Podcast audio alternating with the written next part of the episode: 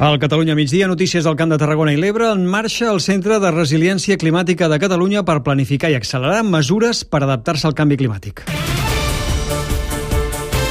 Catalunya migdia, Tarragona. Manel Sastre. El Delta de l'Ebre és una de les zones que patirà més aviat les conseqüències d'aquest canvi climàtic, tal com s'explicava en el vídeo de presentació d'aquest matí al centre. A Catalunya, l'emergència climàtica i els seus efectes són una realitat especialment al Delta de l'Ebre. L'obertura del centre l'ha feta el president de la Generalitat, Pere Aragonès, ho ha fet a Amposta i l'ha seguit la nostra companya Anna Ferraz. Anna. Es crearan Living Labs, laboratoris naturals arreu del país. El dirigeix el científic Carles Ibáñez i s'ubica al Delta de l'Ebre. Ens ho hem treballat i també perquè tenim, si voleu, una mica la, la mala sort no? de ser un dels territoris que més està patint ja els efectes del canvi climàtic. Tenim altres problemes, això no ho podem oblidar, que venen de com estem gestionant el territori, com estem gestionant la conca de l'Ebre, com estem gestionant els rius. D'entrada es faran proves pilot per donar solucions concretes als primers efectes, impactes. Es treballarà a partir de l'ús massiu de dades i el conveni de creació l'han signat avui 10 entitats, però el CRC vol créixer i aviat s'ha anunciat la incorporació d'empreses importants. D'entrada es preveu crear 40 llocs de treball qualificats. Localitzada a la platja de Calafell la primera posta d'ous de tortuga babaua d'aquesta temporada, corresponsal al Baix Penedès, Montse i Gené. A més a més, és el primer niu de tot Catalunya, no? Hola, bona tarda. És el primer niu que es troba al litoral català i de la resta de l'Estat. La temporada de reproducció comença ara, mitjans de juny, i va fins a l'agost. Aquesta tortuga en concret va intentar fer la posta d'ous a Salou abans de Calafell, però va passar això que ens explica la veterinària del CRAM, Lucía Garrido. Esta tortuga salió el día anterior en la playa de Salou, pero desafortunadamente la la, gente que, que, la vio la enfocó con, con luz y se aproximó mucho a ella al de la tortuga, se metió en el agua y salió al día siguiente, buscó una playa más tranquila, que fue la de Calafell. De seguida es va delimitar la zona i es va fer una crida per trobar voluntaris perquè vigilin el lloc.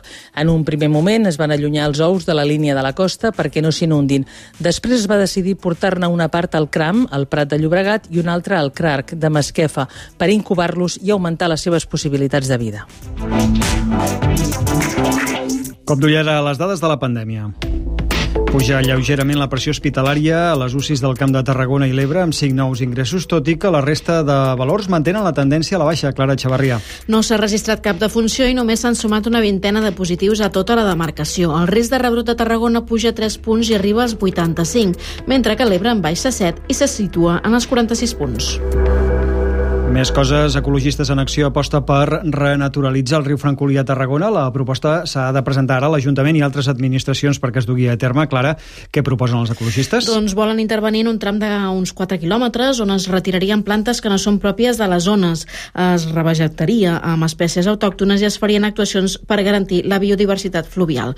Costarien 954.000 euros i seria bàsic garantir un cabal mínim d'aigua durant tot l'any.